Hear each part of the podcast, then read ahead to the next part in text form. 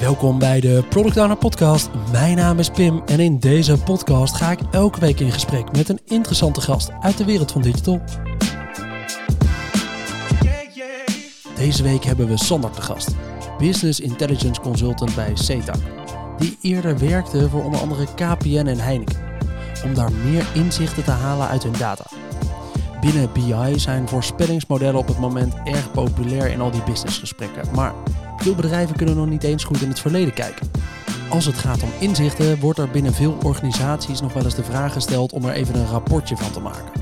Maar de stap van ruwe data naar goede informatie vraagt om veel meer complexiteit. Ook als product owner is dit iets wat je goed op orde wil hebben, om snel te kunnen reageren op veranderingen en trends die ontstaan. Vandaag gaan we het hebben over wat we eigenlijk verstaan onder business intelligence. Wat belangrijk is om hiervan te snappen en wat de best practices zijn als je hiermee aan de slag wil gaan.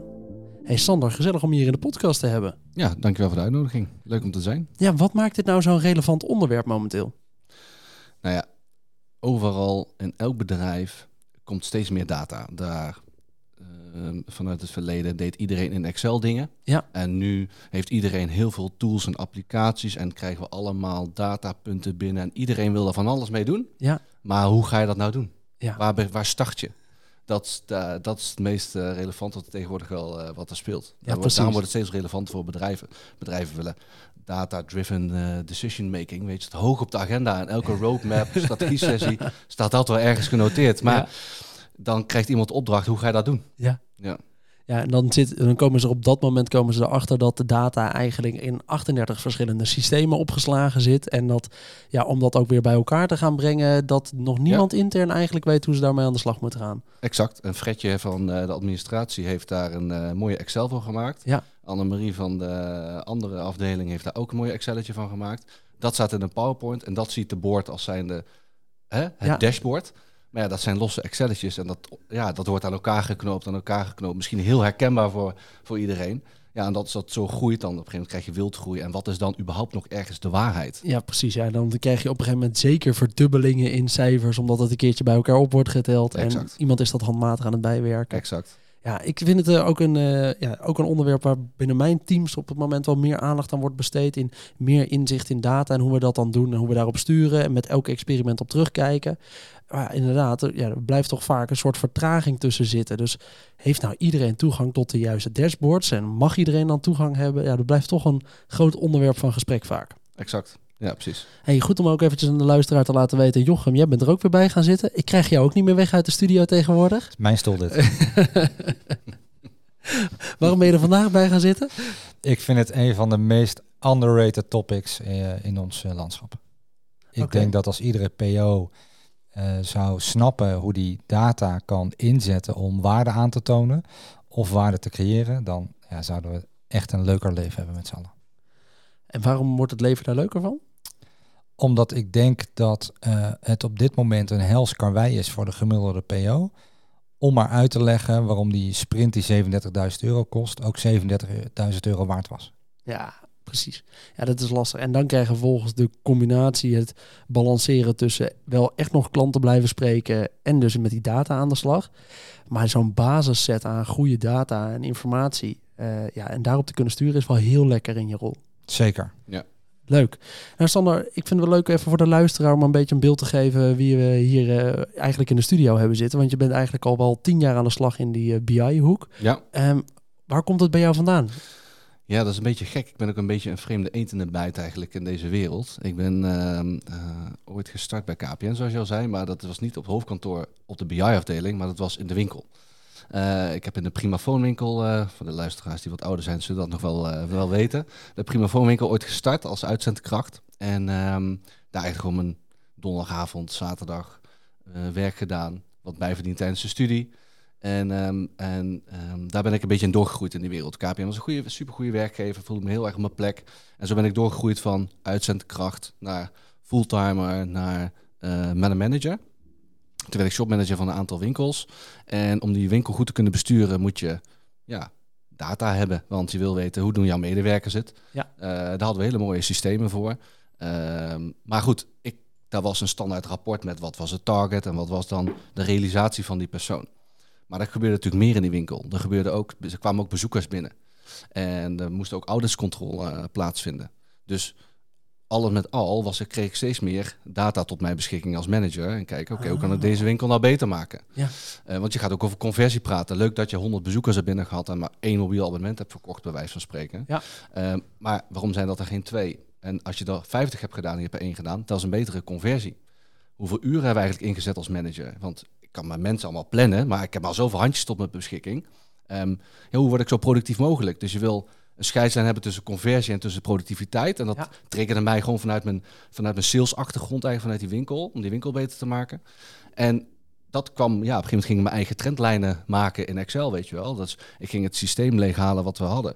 eh, tot onze beschikking als winkelmanagers. En daar ging ik zelf mijn ding mee doen. Wel mooi dit, ja. Ja, dan ging ik zelf mijn data, gewoon zelf mijn conversievoorspelling doen. Kijk, naar vorig jaar hebben we een uptake van zoveel procenten bezoekers in deze week. ja. Is het begin van de vakantie. Jongens, we moeten meer inzetten. Ik noem even wat, hè, wat voorbeelden.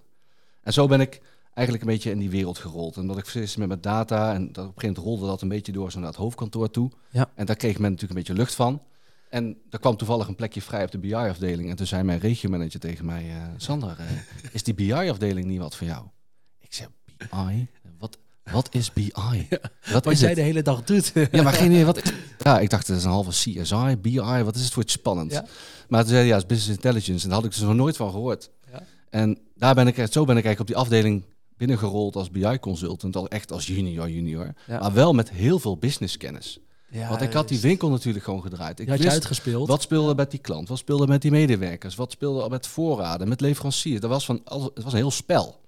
Hoe had die aansturing? Weet je, waar moet je op gaan, eh, waar moet je op gaan, eh, eh, gaan focussen? Waar moet je op gaan belonen? Ja. Nou, dat soort zaken. Ik ken dat wereldje natuurlijk. Dus mensen die vanuit bovenaf denken, we hebben dit target. Oké, leuk, maar hoe gaan we dat inzicht nou geven? Hoe gaan we die aansturing nou doen? Nou, dat, dat gaf mij een beetje het voordeel. Dus er zaten hele slimme mensen die heel goed konden programmeren. Ja. Die konden, waren heel slim in, in, in SAP dan. En heel mooie rapportjes bouwen. Maar wat moest er nou in die rapporten komen? ja. Wat? Waar heeft die nou winkelmanager nou eigenlijk ook echt iets aan om terug te krijgen? Waar of de hij... regiomanager. Ja. Of wat heeft de directeur nou, eh, wat vindt hij nou interessant? En nou, dat, dat spelletje wat je zei eh, dat heb ik in de winkel natuurlijk uitgespeeld. En omdat ik die affiniteit met data had, is dat een beetje zo gegroeid. Dus zo ben ik die wereld eigenlijk ingerold. En na een paar jaar, weet je, doe je hetzelfde. En binnen KPN dacht ik, ik vind het leuk om eens verder te gaan kijken bij een andere werkgever. Waar ik ook als consultant ben, eh, eh, aan de start ben gegaan, aan de slag ben gegaan. Ja, zo ben ik in dat wereldje gaan eh, terechtgekomen eigenlijk. Ah, wel mooi. Ja, het, het stond waarschijnlijk niet in je taakomschrijving om zulke overzichten te maken als eh, winkelmanager bij, bij KPN. Nee, zeker niet. Nee. Maar, maar wel een hele mooie, want ja, de- dat toont wel een beetje dat je inderdaad een natuurlijke trigger had om ermee aan de slag te gaan en toch wel eventjes te snappen, oké, er zit meer hierachter dan alleen maar gewoon in het winkeltje staan en zorgen dat die mensen er staan en dat ze hun werk kunnen doen. Ja, precies. Er zit heel veel waarde in inzicht hebben. Kijk, en het grappige is, in die BI-wereld, en, en dat bedoel ik ook niet vervelend, maar dat is echt vanuit de IT, dat is een IT-gedreven feestje. Hè? Dus ja, vanuit vroeger, om maar even zo te zeggen, daar was een, eh, eh, als er inzichten nodig waren vanuit systemen, dan werd de IT-afdeling natuurlijk gewoon erbij geroepen. Ja. En kom maar, kom, kom maar erbij, ga maar, maak maar een rapport voor ons, want die hebben de data tot de beschikking. Maar goed, als een IT-afdeling een rapport gaat maken, dan wordt het een IT-feestje. Terwijl het eigenlijk een business intelligence heet, om de business slimmer te maken, ehm, is ook een business feestje. En dat is het grappige, dat die schakel, je bent echt een soort van schakel tussen die twee werelden Ja. in. En dat gaf me, omdat ik die- heel goed die business kant kende, het leuk vind om met IT te werken, Ja. maakt, dat je, maakte dat mij een geschikte kandidaat op dat moment. oh, Je product owner moeten worden. Ik heb al blauw aangetrokken, dus ik dacht misschien past het. Hey, je zei net even iets heel snels tussendoor. Je zei, daar komt business intelligence ook een beetje vandaan. Eh, laten we heel even die term pakken voordat we er verder induiken. Business intelligence, gaat dat dan inderdaad over de intelligentie aan de business geven? Moet ik hem zo plat Ja. slaan? Zo, ik zou hem zo plat staan. En waar komt dat vandaan? Waar, wat, waar kwam dit een beetje op gang dat ze zeiden... nee, dit is nu business intelligence in plaats van... eh, we willen wat snappen van wat er verkocht is? Ja, dat is een goede vraag. Net bespraken is dat decision making staat hoog in het vaandel. Zowel strategisch als operationeel wil je day-to-day business wil je met da op da basis van feiten kunnen doen. Ja. En niet balanceren op is dit misschien wel goed? Ja, ik denk het. En vorig jaar had ik nog een papiertje hier en dat, daar maak ik dan mijn keuzes op. Ja. Dat, dat wil mensen niet meer. Dus men had heel veel data, kreeg steeds meer data tot zijn beschikking. En moest daar wat mee. Ja. En, daar is het- en, en dan de vertaalslag maken tussen wat kan een applicatie en wat kan een gebruiker operationeel ermee. Ja. Die vertaling daartussen, daar heb je mensen voor nodig. Daar heb je intelligentie voor nodig. En dat, daar, vandaar dat dat zo is ontstaan natuurlijk. De vorm van business intelligence. Ik wil nog iets toevoegen aan dit stukje. Ehm, hoe dit gegroeid is, maar ook een beetje waar het naartoe gaat. Men wordt ook steeds slimmer om data te gebruiken. Dus je ziet die gebruikers worden ook steeds slimmer. Dat heeft er ook mee te maken dat bijvoorbeeld Power BI, hè, een hele bekende tool binnen de BI-wereld, Ja. analytics-wereld eigenlijk, die staat tegenwoordig standaard in je bijna in je 365 pakket van Office, weet je wel.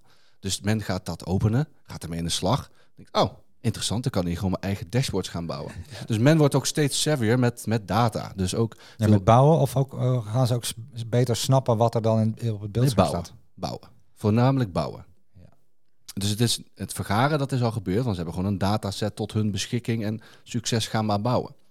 Maar dat was ook vro- vroeger was dat ook een, echt een IT-feestje. Dat ging echt vanuit de IT-afdeling of een BI-afdeling gingen dashboards bouwen. Maar tegenwoordig zie je die, dat verschuiven ook naar echte operatie toe. Dus men gaat gewoon als operationeel werknemer, zullen we maar zeggen, Ja, aan de slag. aan de slag met zijn eigen dashboard. In principe is dat ook is dat oké, maar wat er, wat er daardoor gebeurt is dat er ook een verschuiving plaatsvindt momenteel met wat doet techniek, wat is echt een techniek verhaal en wat doet de business. Daar zit een, dat, die verschuiving die is nu aan het plaatsvinden. Je ziet dat er steeds meer verantwoordelijkheid wordt doorgeschoven nu naar de operatie toe. De techniek geeft jou een dataset, gevalideerd en al. Dit is de dataset die je hebt.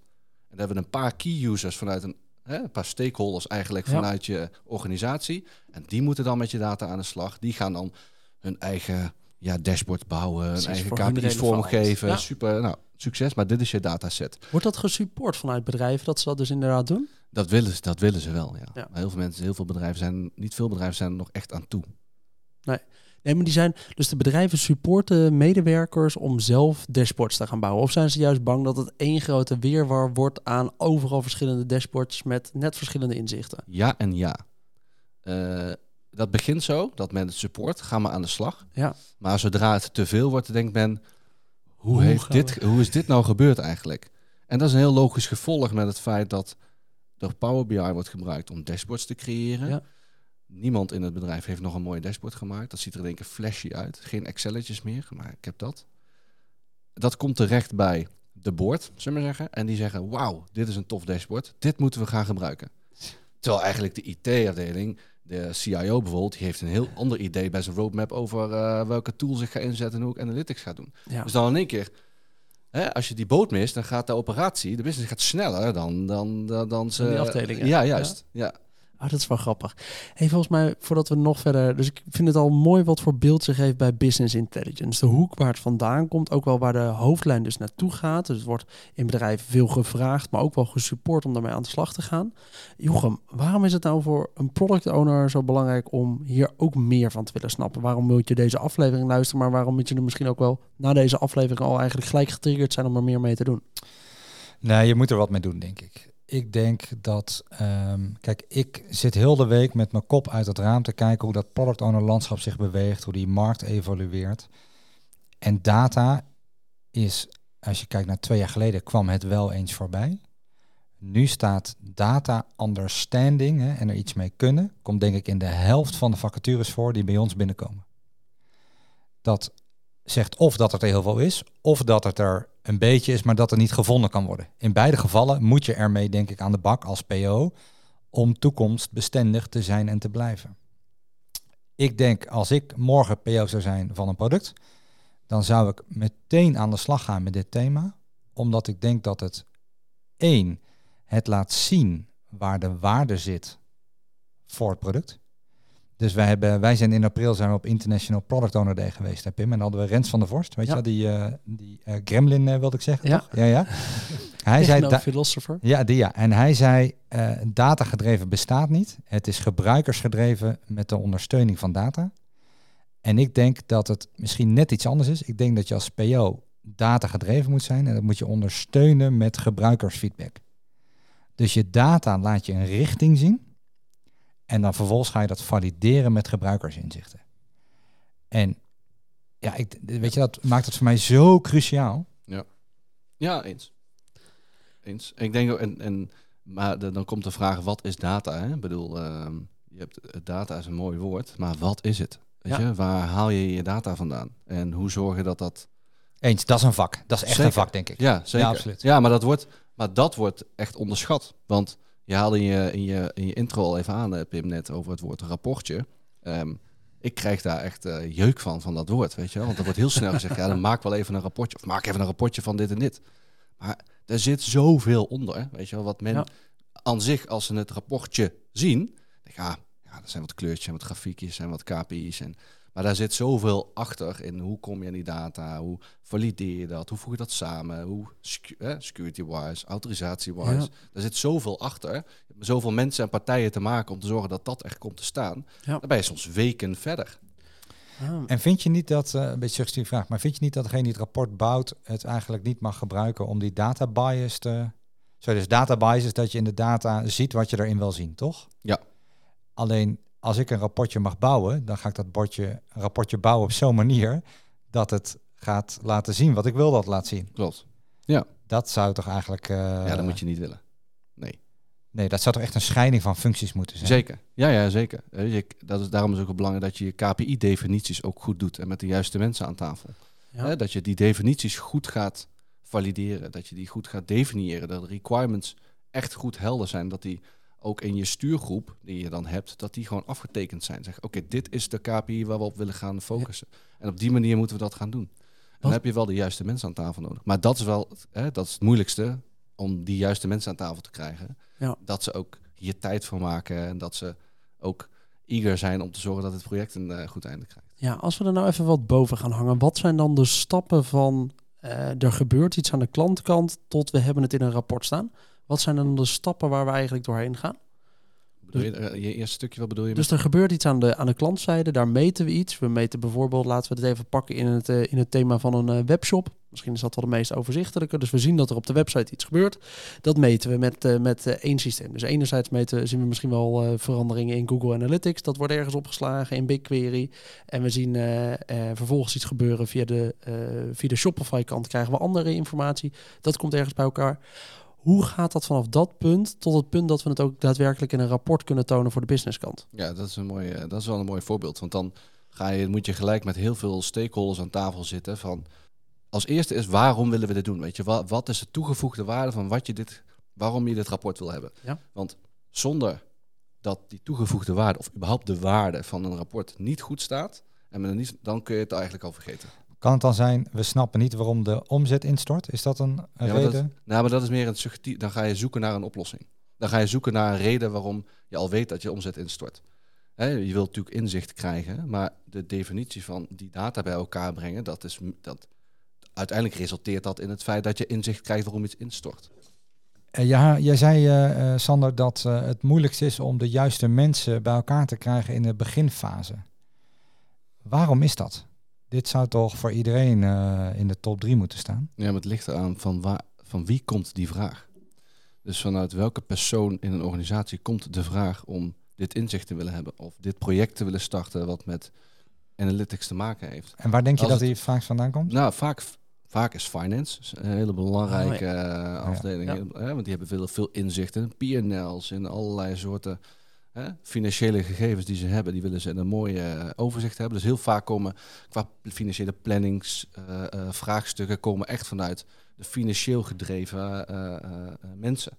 Ja. Eh, ehm, en dan komt het vaak ook zo, oké, maar je hebt financieel, maar we hebben ook, ja, we willen ook zien hoeveel kost nou bijvoorbeeld voor een, ik noem even wat, voor een, voor een groothandel of zo. Ehm, hoeveel kost nou eh, elke een levering mij? Wat kost nou een levering? Juist. Gewoon één pallet, als ik die afzet bij het warehouse, wat kost mij dat pakketje? Ja. Maar dat is leuk, want dat is een financieel vraag, hè, want het gaat over kosten. Maar het is ook, hè, er zit ook een stukje supply chain bij. bij. Een warehouse management zit erbij. Dus daar Ja. komen verschillende afdelingen bij. Maar het is een financiële, vra- hè, komt vanuit Ah, finance, komt ja. die. Maar dan heb ik ook eh, andere mensen nodig aan tafel die mij de definitie van een levering gaan uitleggen. Want als ik een levering heb, bijvoorbeeld, ik, ik rij een bedrijventerrein op hier bij jullie en ik doe een levering aan dit adres, maar er zitten hier vier kantoorpanden op de, op de, op de gang. Wat is een levering? Is dat bij jou aan de voordeur van dit pand of bij jou hier op de gang? Ja. En dat is een definitiebepaling die je heel scherp moet hebben. En dat kan een finance man niet doen. Nee.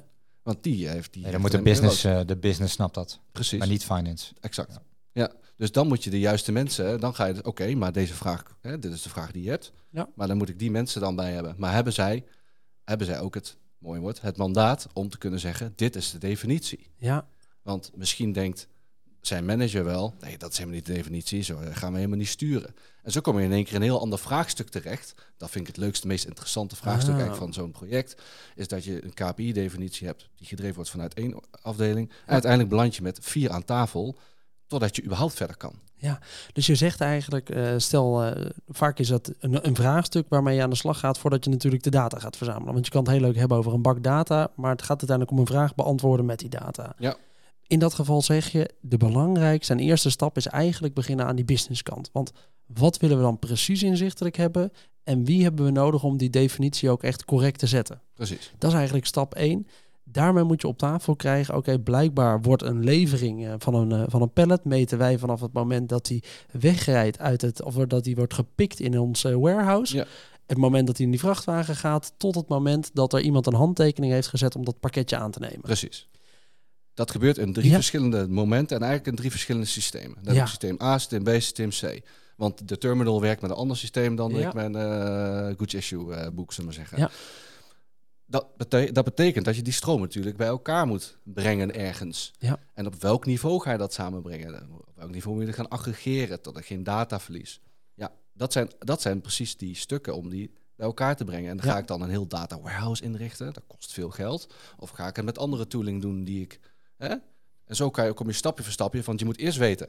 die pallet die kost mij dit. Wat, wat, is een, wat kost een pallet eh, of een levering eh, eh, per stop? Ja. Wat is dan die definitie?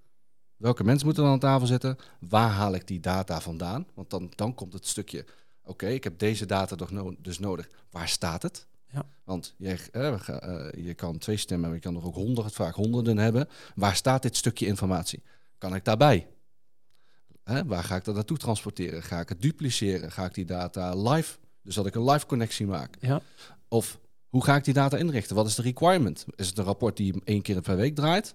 Of die elk uur moet, up-to-date moet zijn? Ja. Dat, dat soort vraagstukken, die moet je eerst, eerst helder hebben. Want, en dan kom je pas bij waar staat die data en hoe ga ik het aggregeren en eh, security technisch inregelen. Dus dat, ik zou altijd terug, ga terug naar die, te- terug naar die, naar die tafel met die Ja. mensen. Ga eerst zorgen dat die, dat die sessie, want die zijn meest verhelderend als je die sessie goed doet. Ja, dan krijg je Ja. de meeste informatie op tafel en dan kun je door. Ah, die is wel leuk eigenlijk. Ja, ik zit eh, binnen een opdracht waar ik nu zit. En eh, nou, volgens mij mag ik dit eh, allemaal wel delen. Ehm, daar zijn we ook veel bezig met experimenteren. En we hadden afgelopen jaar wat experimenten gedraaid. En die hadden we gedraaid. En achteraf zagen we geen enorme verandering. Waardoor we eigenlijk toen geadviseerd hebben. Nou, dan gaan we het in dit geval niet veranderen. Want waarom zouden we complexiteit voegen, niet toevoegen. als we niet per se een verbetering zien voor onze Mhm. gebruikers? Ondertussen zijn we wat verder met met name die measurability eh, daar. En het inzichtelijk maken van wat er nu gebeurt met die, eh, met die experimenten. En we kunnen ook terugkijken welke experimenten we gedraaid hebben met nieuwe meetpunten die we hebben toegevoegd. Dus we hebben bijvoorbeeld een relevantie-meetbaarheid toegevoegd in de vorm van een NDCG. En wat is nu grappig? We gaan terug zitten kijken naar een experiment van vorig jaar november. En we zien in één keer verdomme. Maar als we daar de NDCG hadden gemeten, dan hadden we gewoon een 2% verbetering gehad. Ja. Maar met de toen huidige st- maatstaven hadden we die verbetering niet. Oh, we willen hem eigenlijk alsnog implementeren. Oh, wacht eens eventjes. Eigenlijk gaat het er dus zo om dat het is heel leuk dat je experimenteert, maar het kan goed dat je experimenteert en een uitslag eruit haalt die nog niet compleet is, omdat Klopt. je gewoon wat meetpunten mist. Klopt. En dat is dus waarom je zegt, nou die eerste fase is eigenlijk zo belangrijk. Je moet jezelf ook niet te veel. Nee, maar je moet het op een gegeven moment Ja. vastzetten. Want je moet, een, een, een, je moet het pinpointen. Je moet zeggen op een gegeven moment, dit is de requirement. Ja, Dat gaan we doen. We gaan het, de- anders blijf je op een moving target zitten. Want dan krijgt afdeling 6 er keer een eh, lucht van. Die zegt, ja, maar wij willen eigenlijk ook dit erbij hebben. Heel herkenbaar misschien voor jullie. Hè? Dus eh, van, oh, nee, maar deze requirement er eigenlijk ook bij. Ja. Kan, het, kan het er ook bij? ja, Nee, nee, dit staat vast. Ah, toe. Nee. Ja. Nee, Dit is echt, dit hebben we nu gedefinieerd. Behalve als, als de vijf mensen aan die tafel gaan zeggen, nee, dit moet er echt bij. Maar dan zeg ik, prima. Maar dan, gaan we, maar dan gaan we het project openbreken en dan gaan we, nu, dan gaan we het opnieuw starten. Dan gaan we opnieuw factuurtjes schrijven, want Ja. dan, is het, dan, hè, dan wordt het gewoon een ander verhaal. Ja. Want dan, dan, komt er, dan gaan we... Maar dan kan het altijd, definitie. als alles een extra factuurtje is. ja, nee, precies, dan kan alles. Het kan altijd nog in deze sprint. Ja, maar je moet dat bewaken dat dat op een gegeven moment, want Nee, Ook leuk. Al die requirements, laten we zeggen dat is 100% van de requirements. Als je aan het bouwen bent, na 20% denkt eigenlijk al de, de helft van die tafel denkt na 20% al. Strikt erom. Het ziet er al supergoed uit. En bij 40% denkt 80% van die tafel al. Strikt erom. Ja. Gaan we dan nog zoveel tijd en energie steken om die laatste 20% helder te, eh, eh, te, gaan, eh, te gaan bouwen of implementeren? Nou, dat zou ik niet doen. Ja. Ga eerst even lekker werken hiermee en dan zien we elkaar volgend jaar. En dan doen we fase, de volgende fase. Ja, want wat is lekker werken? Je bouwt dat dashboard, dat is af. En dan, hoe zorg je dan dat mensen er naar kijken, maar ook dat het tot verandering leidt? Dat Ja. dat ja, dat is echt een cultuurverandering, ook binnen een bedrijf vaak. Hè? Eh, mensen moeten dat, gaan, moeten dat gaan gebruiken. Eh, eigenlijk, maar eigenlijk wil je dat men dat gaat gebruiken, omdat het ze inzicht, inzicht geeft en gaat helpen. Kijk, mijn werk is vaak, is, ik, kom bij, ik kom bij zo'n bedrijf, we helpen dat opstarten, bouwen. Dat doe ik niet altijd zelf, en dat doen we, hè, het ligt Ja, aan welk stukje van het project ik doe in het team.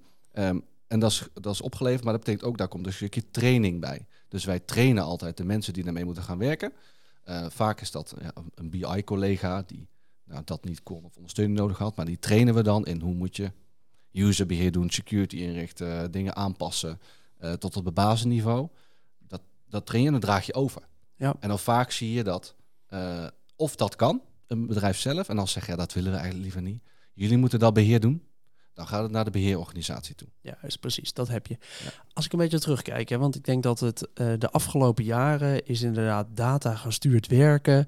eh, de driven, wat was het ook alweer? eh, Data-driven eh, dienst. Nee, data-driven, maar met de gebruiker erbij of zo. toch? wat? Data-driven decision making. Juist, die. Dat woord zocht ik.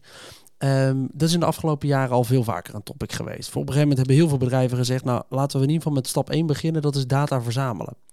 Waardoor ik nog wel eens mensen heb gehoord over... nou, veel van die data lakes zijn ondertussen meer data swamps geworden. Mhm. Bedrijven is- hebben gewoon het bakken met data opgeslagen. Ja. En vaak zo ongestructureerd dat het Ja. heel lastig is om er iets mee te doen. Is dat dan ook de grote struggle waar veel bedrijven nu mee zitten? Is dat ze, ze hebben vaak wel de data, maar om de informatie uit te halen, dat is de lastige stap. Ja. Wordt dat niet zo meteen een heel stuk makkelijker met al die AI-technologie, waarmee we heel grote bakken lelijke data goed kunnen inlezen en daar misschien wel gewoon vragen aan kunnen gaan stellen? Zeker, dat wordt makkelijker. Maar er zit ook een heel groot gevaar in. Hè? Ja, Is als jij zelf niet goed die data begrijpt, dan gaat AI misschien aannames doen voor jou. En denk je, oh, dan ga ik hier mijn, mijn beslissing opnemen. ja, Ehm, kijk, het kan je wel helpen in data ehm, eh, beter te maken. Dus als er veel, ik noem maar een stom, simpel voorbeeld. Datumvelden, dat is een crime hè, in onze datawereld. Een datumveld, want dat zijn een spatiepunt, Ja, ja. komma, weet ik veel. ja. EM, Amerikaanse PM, oh, man, het, ja. echt, dat is echt een drama. Ja. En als je bij ons is wel eens voorgekomen, of dat hebben we wel eens gezien in projecten, is dan heb je een heel groot data lake en staat één kolom met posting date. Dus echt de data waarop een financiële boeking is gebeurd. Zes verschillende datum opmaak. En dat gaat echt van links naar rechts, hè. echt eh, ook geen, geen logica. Waar komt dat vandaan? Wa- Want Ja. je kan het gaan oplossen. Die da- hè, met AI, die kan, ik kan namelijk tegen AI zeggen, lees dit, deze kolom in en Ja. maak er allemaal dezelfde datum opmaak van. Nou, dat doet hij prima. Ja, Zeker, maar als die data foutief in het systeem blijft komen, ja, dan heb ik steeds, dan begrijp ik nog steeds niet waar komt dat nou vandaan. Waarom is dat, gebeurt dat nou? Dus dat moet je ook goed begrijpen. Dus AI kan je goed helpen, ja, maar men wil altijd AI gaan gebruiken om dingen te kunnen voorspellen, maar men kan nog niet eens heel goed terugkijken. ja, Ga dat eens eerst goed doen. Als je nou eens een goede, ga maar eens eh, eigenlijk in nou, 9 van de 10 opdrachten die ik en mijn collega's zo om me heen zie, weet ik zeker dat men altijd wil gaan voorspellen. Als ik nou, wat gebeurt er nou als ik aan dit knopje draai? Wat gebeurt er dan met mijn omzet over twee jaar? ja. Als ik hier nou meer marketingbudget voor inzet of daar meer dit product meer ga promoten, wat gebeurt er dan met mijn omzet? Hele goede vraag, maar dat kan alleen maar als je goede data hebt, waarmee je ook goed terug kan kijken. ja. Want dan weet je dat je data gevalideerd is, dat het goed is. Dus eerst zorgen dat je goed terug kan kijken, voordat je überhaupt vooruit kan kijken. Dat is echt mijn, dat zou mijn advies zijn. Ja, er zit een soort van data, migratie of opschoningsproject eigenlijk vooraf. Ook, zeker. Ja, maar ga eens e- eerst je data's goed begrijpen. Wat, heb je, wat, wat ben je nou aan het doen? En waarom gebeuren dingen zoals ze gebeuren? Ja. Wat gebeurt er en waarom gebeurt het? Dat is terugkijken en vooruitkijken. Dan ga je ook, oké, wat zal er in de toekomst gebeuren? En als ik naar dit knopje kijk, dat is nog een stapje verder. Wat gebeurt er dan als ik in dit knopje draai? Juist. Als je nou als uh, product owner zit te luisteren naar deze podcast en je denkt, nou, we hebben inderdaad eh, binnen ons bedrijf wel uh, Google Analytics en daar krijg ik wat overzicht en er is een andere afdeling en die heeft ook wel wat, uh, wat inzichten die ze verzamelen altijd. Maar ja, ik wil eigenlijk bij mijn team meer inzicht hebben. En waarschijnlijk zijn er overal bakken data, maar ik wil eigenlijk meer inzicht hebben over mijn product. Wat moet je dan eigenlijk doen? Wat zijn dan de stappen die je moet ondernemen? Moet je dan altijd iemand aan willen nemen die zich daarop gaat verdiepen? Kun je zelf eigenlijk al best wel veel met bepaalde tools? Mm -hmm. Heb je daar tips voor? Ja, je kan, je kan natuurlijk altijd mensen aannemen om die dedicated bezig zijn om dat te doen. Maar dat moet wel vanuit een groter vraagstuk gedreven zijn, vind ik. Je kan ja. niet zeggen, ja, ik zou het leuk vinden omdat we deze analytics stukje en dat bij elkaar gaan voegen. Daar gaan we een heel project van maken. Dat kan, maar dat is klein. Snap je? Dat is ja. een eenmalig iets, of misschien wil je dat wekelijks een keer doen. Prima. Maar zodra het om grotere bakken data gaat en grotere vraagstukken gaat, hè, waarbij je day-to-day business, tactische, strategische beslissingen gaat nemen op basis van data, ja. Ja, dan, wordt het, dan heb je wel echt een afdeling nodig die daar dedicated mee bezig is. Want dan moet je echt een data warehouse gaan inrichten. Hè, want je hebt een data lake, maar dat is een lake dat data gaat er alle kanten op, weet je wel. Dat is Ja. heel groot. Wat jij zegt, daar staat eigenlijk alles in verschillende datumformaten. Ja, joh, nee, maar ja, soort gooi het, maar. Ja. wij gooi het allemaal maar op die bende, Ja. op die berg en dan kijken we wat mee doen. Maar dan heb je een data warehouse nodig die die data gaat, slimmer gaat maken. Die gaat van die data ook informatie maken. Dat moet je gaan inrichten. Hè, daar heb je slimme mensen voor nodig, want Ja. dat kan niet, echt niet iedereen. Daar heb je echt wel BI-consultants voor nodig die vanuit een eh, vakgebied dat kunnen doen. En dan komt pas die vertaling naar, naar, naar Jouw product. Ja. Precies, precies. Dat is goed om te begrijpen. Wat is nou de grote valkuil als je hiermee aan de slag gaat? Als je nou denkt, nou, we gaan hier meer tijd in steken of in mijn organisatie gebeurt het al een beetje. Wat zijn dan de valkuilen waar ik me bewust van moet zijn?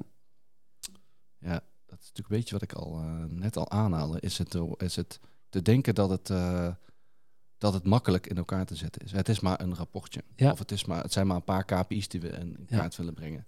Dat, dat, Ik ben heel Dat goed in deze niet. sommetjes in Excel. Dus als we dat nou allemaal bij elkaar Ja, gooien op die drie pagina's, dan... eh, Want het moet geautomatiseerd worden. Niet Ja. iedereen mag toegang krijgen tot die informatie. Dus ga maar eens, als je dat eens goed in kaart gaat brengen. Je Ja. kan niet zomaar denken, je moet het niet bagatelliseren van het is maar een rapportje. Tuurlijk, dat kan. Dan heb je een rapportje vanuit Excel gedreven of een Ja. andere tool gedreven. die eenmalig in een PowerPoint kan plakken, aan de rest van de organisatie kan laten zien. En als je dan over twee weken de vraag krijgt, kun je die nog een keertje maken? ja, en jij Dan- bent met vakantie, dus niet en dan denk ik, oh, je bent vergeten over te dragen. En dan, oh, nee, ja, Pim, die kan dat rapport niet verversen. Ah, die kan alleen maar het rapport verversen, want ik heb geen autorisatie tot die data. Dat heeft alleen Pim gekregen. Ja, Oeh, oeh, oh, oh, oh. Ja, en dan? Dan heeft eh Jochem van spreken in één keer zijn dashboard niet eh, de week erop. Omdat eh, iemand anders met vakantie is. Ja, dat zou natuurlijk niet moeten kunnen. Ja. Ja, nog een valkuil die ik dan even zou willen aanhaken is... ehm, begin niet te groot. Begin gewoon klein. Eh, ehm, je hebt misschien een, eh, een idee om...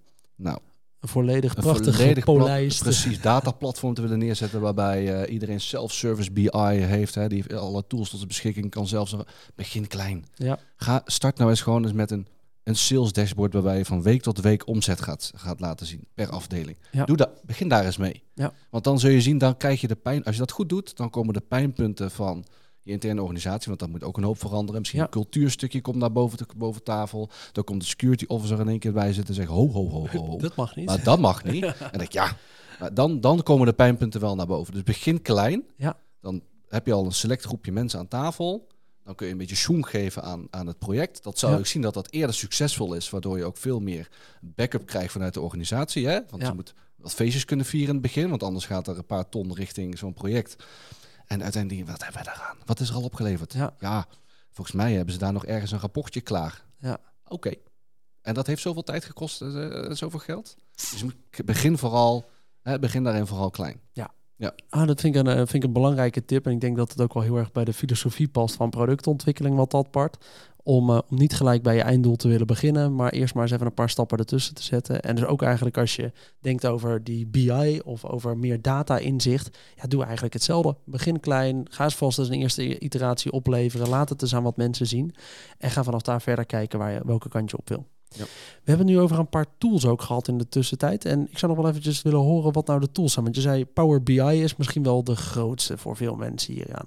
Zijn er nog wat van die tools die ik in ieder geval even wil opzoeken na Ja. het luisteren van deze aflevering? Ja, kijk, de tools zijn, eh, daar, daar is ook wel echt een verandering aan het plaatsvinden. Voorheen, je moet zien hè, dat je vaak heb je een ERP-systeem. Dat zijn vaak de bedrijven waar ik dan uh, komt, een ERP-systeem. En er zit er een soort van data warehouse tussen en dan heb je een front-end tool. En de front-end tool in dit geval is, nou, Power BI is een front-end tool. Ja. Maar is geen data warehouse of modelleringstool. Dus je kan wel data consumeren. Maar in welke data ga je consumeren? Daar zit een heel stukje voor natuurlijk achter. Ja. Want je hebt van Power BI, dat is van, vanuit Microsoft. Je hebt Click bijvoorbeeld. Je hebt SAP Analytics Cloud vanuit SAP, wat ik zelf heel veel gebruik. Um, dus daar zitten, je hebt een aantal tools. Maar wat je dus ziet nu, is ook met de data warehousing, is dat die, die, die landschappen, die gaan een beetje open. Ja. Voorheen was zo, als je bent echt een eh, vendor lock-in, dus je gebruikt ERP van SAP bijvoorbeeld, ja. dan moet je data warehouse ook van SAP zijn en je front-end tool moet ook van SAP, want de rest werkt niet met elkaar. En nu zie je dat die werelden steeds verder open gaan. Dus je kan een ERP-systeem hebben van weet ik veel, een A, een data warehouse van, van, van B en een front-end tool van C. Dat zou in principe steeds beter st gaat steeds beter werken. Dat maakt het ook voor uh, use cases veel makkelijker om een oplossing te vinden. Want wat ik net wat ik in het begin van de podcast zei, is dat iemand op een afdeling een rapport in Power BI heeft gemaakt. En in één keer denkt de directie, oh, dan gaan we dat wel als front-end toe gebruiken. Terwijl heel het bedrijf op SAP draait, bij wijze van spreken. Ja, dat ging in het verleden echt niet zo makkelijk. Want dan moet je SAP-data gaan ontsluiten naar een Microsoft front-end tool. Ja, dat ging ze moeilijk maken voor je. Daar praten gewoon niet zo lekker met elkaar. Ja, maar dat is gewoon zo. Ja. En nu zie je dat die, dat die werelden gaan gewoon steeds meer open. Dus die je kan, dan maakt het niet meer uit dan super. Hou lekker je Power BI, want daar zit alle kennis, alle knowledge. Mensen zijn, hebben het geadopteerd. Daar zijn misschien manuals voor geschreven. Daar is, Iedereen kent het. Prima. Nou, alleen wat daaronder ligt aan data, dat kan. Ja, dat maakt dan nu niet meer zoveel uit wat je daarvoor gebruikt. Ja. Dat is wel echt een. Uh, ja, dat vind ik een goede ontwikkeling. ja. Zeker. Nou, dan krijg je ook veel meer nieuwe initiatieven hè, die vaak misschien wel dingen makkelijker gaan maken. Juist die wat meer en eh, nou, ook wat slimme tools gaan toepassen die je kunt aansluiten op je grotere bakdata. Ja, precies. Want je kan dan ook uh, SQL en Python kun je, kun je gewoon in je data warehouse gaan stoppen straks. Ja. dat, zijn, dat waren voorheen allemaal aparte tools en dat wordt steeds meer geïntegreerd in, de, in, die, in die core eigenlijk. Ja, mooi. Hey Sander, ik denk een beetje een paar fasen destilleren. Dus je hebt die begrijpfase, dat is uh, terug naar de tekentafel met, die, uh, met een aantal mensen. Dan moet je het bouwen. Dan moet je zorgen dat iedereen het goed gebruikt. En daarna kan voor dat je een soort van beheerfase hebt. Hè? Dat is een beetje ook dat ja. destilleer. Je had er net ook al van een bonnetje van een paar ton. Ik snap dat dat bedrag altijd anders is in elk bedrijf. Maar krijg nou elk van de vier fasen een kwart van het budget? Of waar ligt nou de nadruk op qua tijdsinvestering als je dit gaat optuigen? Uh, ik, goede vraag, maar ook gewetensvraag. Want ik, ik wil, eigenlijk wat je wil is dat er zoveel mogelijk tijd aan die eerste fase besteed wordt. Die requirements helder gaan hebben. Want als je dat niet helder hebt, ja, superleuk dat je de rest... Uh, dan krijg je laatst spijt van, toch? Daar krijg je spijt van. Dat is echt, uh, dat is drama. Dat is drama. Dat goed hebben. En um, dat, als, je dat, als je dat ongeveer als je daar de meeste tijd aan besteedt aan de requirements, dat klinkt in het begin, voelt dat ook een beetje pijnlijk. Hè? Want dan ga ik heel veel aan tafel zitten, heel veel kletsen. Maar je moet, dat zo, je moet vaak het zo goed doorgronden van wat iemand nou precies wil hebben om het juiste op te leveren. en want als je ergens in je modelleringsslag een afslag mist, ja, dan ga je volledig, als je, net over die stops, als ik de definitiebepaling van die stops niet goed zet in de, eh, in de beginfase van mijn modellering, ja. dan loopt dat de hele trein, de hele keten loopt, die, loopt dat fout. Ja. En gaat dan maar eens herstellen. Dus dan kun je leuk heel veel tijd besteden aan bouwen. Maar als daarna iemand van uh, supply chain komt, ja, maar die definitie is helemaal niet goed. Die moet daar veranderd worden. Ja, oké, terug naar de tekentafel. Wat moet die dan wel zijn? Ja. En dan moet je weer opnieuw gaan bouwen. Dus uh, zoveel mogelijk aan die voorkant. Het bouwen kost heel veel. En ja, dan krijg je natuurlijk die, die, die, uh, de training. Ja, dat is in principe niet zo heel veel. Weet je, als je rond, volgens de train de trainer principe werkt. Ja, maar je hebt ook zo'n mensen gaan gebruiken, toch? Ik bedoel, iemand uitleggen dat hij linksboven moet klikken, dat lijkt me geen hogere wiskunde. Nee. Maar ervoor zorgen dat iemand ook elke eerste uh, maandag van de maand kijkt naar dat rapportje en er wat mee doet. Dat lijkt me veel complexer dan de training, toch? Ja, maar dat, dat is ook niet, dat is vaak echt een interne organisatie gewoon. Daar ben ik dan, daar zit ik dan te ver van af. Oh ja. Als externe consultant, zullen we zeggen. Want dat is echt adoptie. Je kan, je kan wel tips geven hoe je dat moet doen en daar een presentatie over geven. Dat kun je allemaal prima doen, faciliteren. Maar uiteindelijk moeten ze het wel uh, zelf gaan doen. Ja, ja goeie. Hm. Mooi. Ik denk dat we business intelligence hier aan alle luisteraars echt een stuk duidelijker hebben gemaakt. Wat valt er nou allemaal onder dat kopje van BI? We hebben die fases doorlopen. Je hebt ze net al even goed opgezond, Jochem, uh, die, er, die er voorbij komen. We hebben ook uitgelegd wat eigenlijk de grote valkuilen zijn en hoe je ermee aan de start, uh, van start wil gaan. Eh, laten we de aflevering nog eventjes samenvatten. Ik wil altijd even terugblikken op wat nou de grote tip is die we uit deze aflevering halen. Nou, normaal vraag ik dat vaak aan de gast, maar ja, Jochem, jij hebt er deze aflevering ook de hele tijd bij gezeten. Uh, wat is voor jou nou de tip die je hier uithaalt waarvan je zegt, nou, daar moet ik toch volgende week eens even iets mee doen, of die ga ik nog een keertje doorgeven aan iemand? Het is wel jammer, Pim. Ik heb heel de aflevering uit het raam zitten kijken, te wachten op de, soort van de samenvatting van uh, Sander. Nee, nee, nee. Ik vind met name dat begrijpstuk, daar ga ik wel heel lekker op. Want ik was namelijk in de veronderstelling dat je met een filter en een whiteboard en een halve dag wel je, je plannetje klaar kon hebben. Ja. Uh, dus dat is voor mij wel de grootste takeaway. Dat, dat het zwaartepunt in het voortraject moet zitten. Ja, en ik denk dat dat hem ook wel voor mij is. Want ik heb ook het gevoel dat je hem normaal zou willen opzetten. En dat gaat met name in het technisch onderdeel. Daar zitten de last en de druk. En de rest is super flexibel. Maar nu we het eigenlijk langer over hebben, ja, gaat het er zoveel om om bepaalde punten specifiek zetten. Om te zorgen dat je niet pas een half jaar later op een gegeven moment ontdekt. Oh, maar als we nou dit hadden gedaan, dan precies hadden wat we net ook zeiden, dat je steeds meer ziet dat analytics, dat dat onderschoven kindje is, Jochem, waar jij in het begin zei. Ja, dan zie je steeds meer dat men daar van terugkomt nu. En dat je dat eerder in je proces moet gaan oppakken. Ja, ik denk wel lastig is trouwens. Hè. Dus ik zei dat net wel makkelijk dat dat uh, underrated maar ik snap ook waarom het ja. underrated is. Er ligt al zoveel op je bord als PO. Moet je ook dit nog even gaan cheffen. Ja, holy shit. Ja. Aan de andere kant denk ik wel dat als je dit op orde hebt, dat de rest van je leven al echt makkelijker wordt. Dus ik zou het wel iedereen op hart willen drukken om het toch uh, in ieder geval op het lijstje te zetten. Dan nog eventjes, waar begin je morgen mee? Dus als we hem nou eens even helemaal klein maken, in plaats van een grote project met externe erbij, met requirements ophalen en, met de grote stappen zetten. Wat is eigenlijk hetgeen wat je morgen wilt doen op het gebied van uh, BI? Ik ben benieuwd wat Sander ziet, maar mijn antwoord zou zijn, uh, ga nadenken over welke vraag je moet beantwoorden om de waarde van je product aan te tonen. Ja, eens. Agree. Nou, mooi. Als we, op, uh, als we het er zo mee eens zijn, dan is dat volgens mij een mooi punt om hem op af te sluiten vandaag. Uh, Sander, dankjewel uh, dat je in de podcast wilde komen en ons even wat meer inzicht wilde geven over BI. Als mensen nou vragen hebben over dit topic, mogen ze dan een bericht sturen via LinkedIn? Zeker. Kijk, dat is Sander van Kolk op LinkedIn. Dan wil ik iedereen weer bedanken voor het luisteren naar deze aflevering van de Product Owner Podcast. Vond je dit nou een leuke aflevering? Vergeet dan niet om onze podcast een review te geven in je favoriete podcast app. Heb je nog vragen of opmerkingen voor mij? Stuur me dan vooral een berichtje via LinkedIn, dat is Pim Pot, of op pim.productowner.nl. En dan hoop ik dat je de volgende keer weer luistert. Tot dan!